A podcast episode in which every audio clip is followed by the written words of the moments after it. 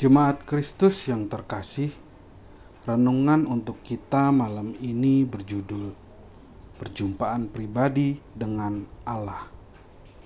Dan bacaan kita diambil dari kitab Keluaran 33 ayat 17 sampai dengan ayat 23. Beginilah firman Tuhan.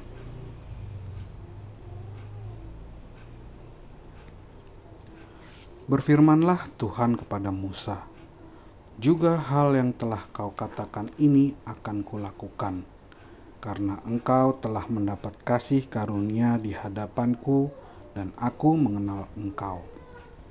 Tetapi jawabnya, "Perlihatkanlah kiranya kemuliaanmu kepadaku." Tetapi firmannya, "Aku akan melewatkan segenap kegemilanganku dari depanmu." Dan menyerukan nama Tuhan di depanmu.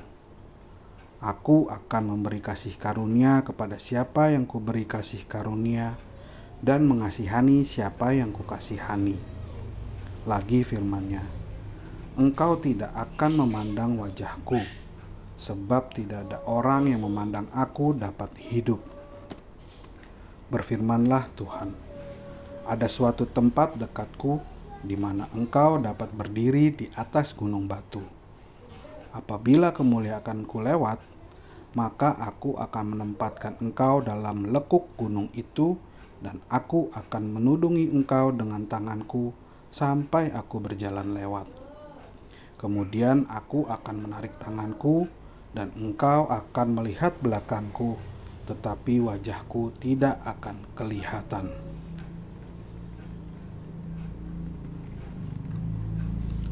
Rasanya banyak orang dapat iri dengan pengalaman Musa berjumpa langsung dengan Allah tanpa mengalami kematian. Walaupun hanya melihat belakang Allah. Dari percakapan antara Allah dengan Musa, kita dapat menemukan bahwa kesempatan itu datang tidak hanya karena kemurahan Allah kepada Musa, tetapi juga karena adanya inisiatif dan keinginan Musa dapat berjumpa dengan Allah secara langsung. Apakah hal ini hanya berlaku bagi Musa? Bisa jadi iya. Namun bukan berarti Allah tidak berkenan berjumpa dengan kita saat ini. Justru melalui pribadi Kristus, kita dapat berjumpa langsung dengan Allah dalam rupa seperti kita. Allah melalui pribadi Kristus dapat secara langsung merasakan perasaan kita.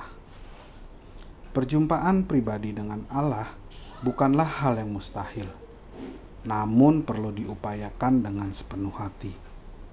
Caranya adalah dengan hidup kudus dan mengerjakan apa yang benar di hadapan Allah. Musa mendapatkan kesempatan itu karena hidupnya terus berupaya mengerjakan maksud Allah saat ini cara yang tepat dapat kita lakukan adalah dengan memohon Roh Kudus agar hadir dan membimbing kehidupan kita. Sehingga dalam segala hal yang kita lakukan, kita merasakan kehadiran Tuhan secara pribadi dalam hidup kita. Roh Kuduslah yang akan memberikan penghiburan seperti yang dirasakan oleh Musa ketika bertemu Allah tetap kerjakan keselamatanmu.